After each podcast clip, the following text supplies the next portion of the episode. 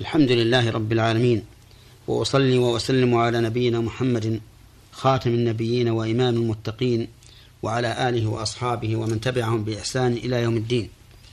أما بعد أيها المستمعون الكرام فهذه الحلقة السادسة عشرة من حلقات أحكام القرآن وفوائده. نتكلم علي نتكلم فيها على بقية الآية الكريمة قولوا آمنا بالله.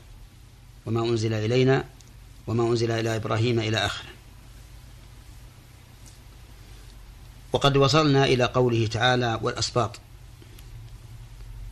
وقوله تعالى وما أوتي موسى وعيسى وما أوتي النبيون من ربهم. ما أوتي موسى من الآيات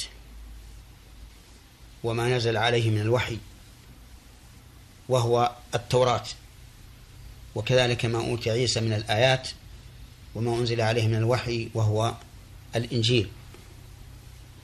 وما أوتي النبيون من ربهم على سبيل العموم من الآيات التي يؤمن على مثلها البشر.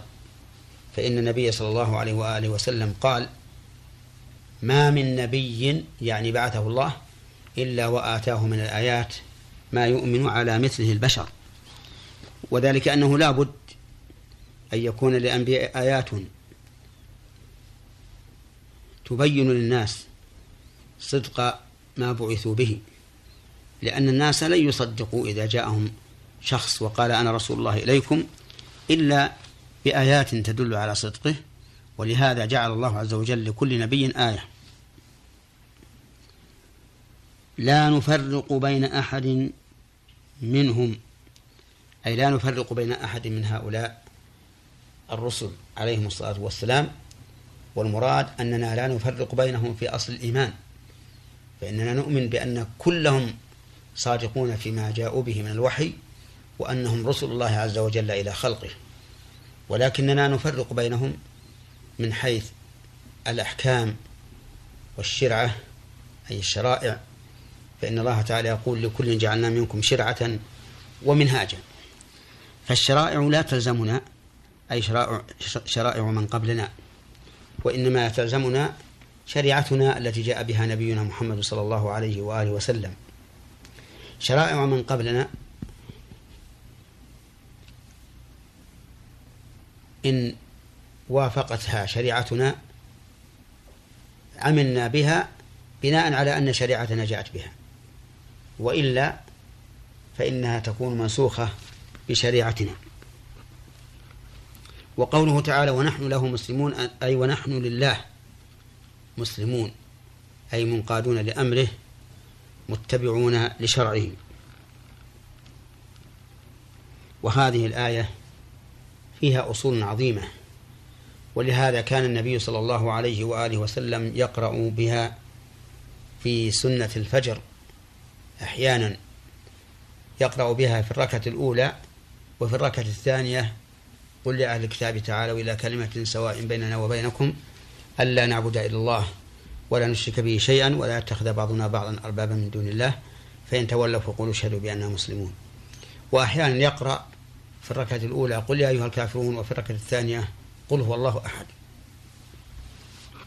من فوائد هذه الآية الكريمة وجوب الإيمان بما ذكر لقوله تعالى قولوا آمنا بالله. ومن فوائدها الإيمان على وجه التفصيل بما أنزل إلينا وهو القرآن. فنؤمن بأن القرآن كلام الله عز وجل. نزله على محمد صلى الله عليه وآله وسلم بواسطة جبريل الأمين. كما قال تعالى وإنه لتنزيل رب العالمين. نزل به الروح الأمين على قلبك لتكون من المنذرين بلسان عربي مبين. ونؤمن كذلك بما تضمنه هذا القرآن الكريم من الأخبار وأنها أخبار حق. ونؤمن كذلك بما تضمنه هذا القرآن من الأحكام وهي الأوامر والنواهي وأنها أحكام مبنية على العدل والرحمة وتحقيق المصالح.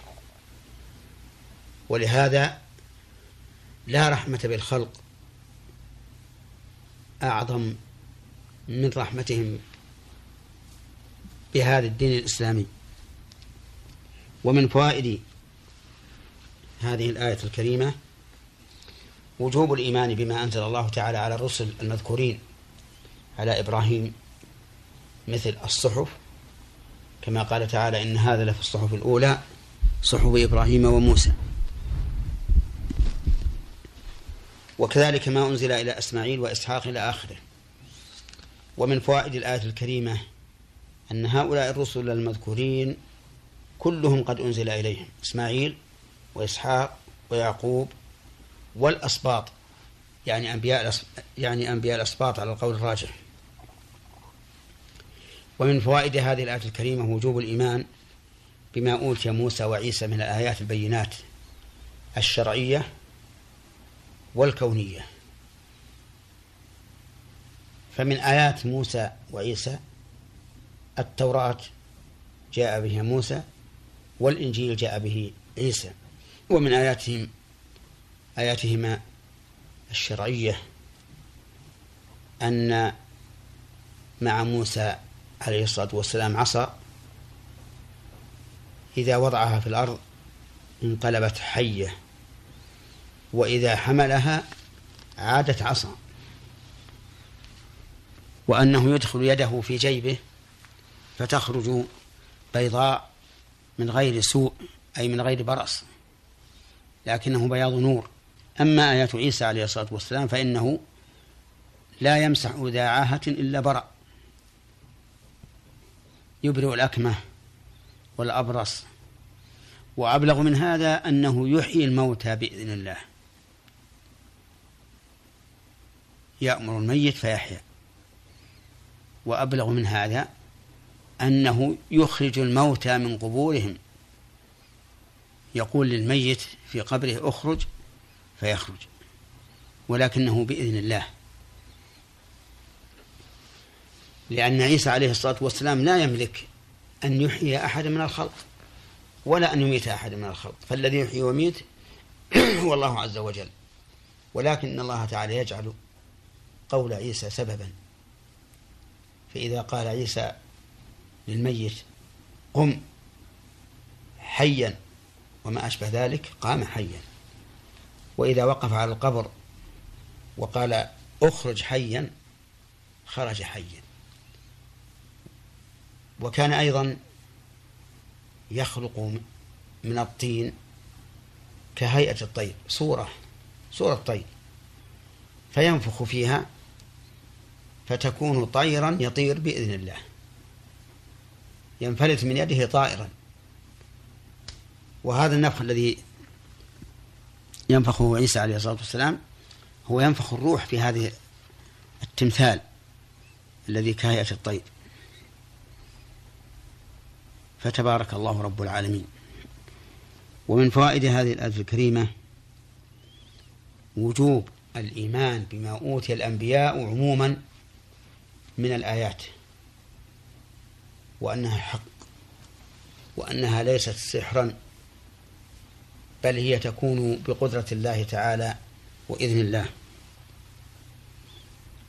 ومن آيات ومن فوائد هذه الآية الكريمة أنه يجب علينا الإيمان بما أنزل على إبراهيم وإسماعيل وإسحاق ويعقوب والأسباط وما أوتي النبي موسى وعيسى وما أوتي النبيون من ربهم نؤمن بذلك إيمانا لا نفرق فيه بين بين واحد وآخر. وهذا من حيث الخبر أي يجب علينا أن نصدق أخبارهم ونؤمن بها.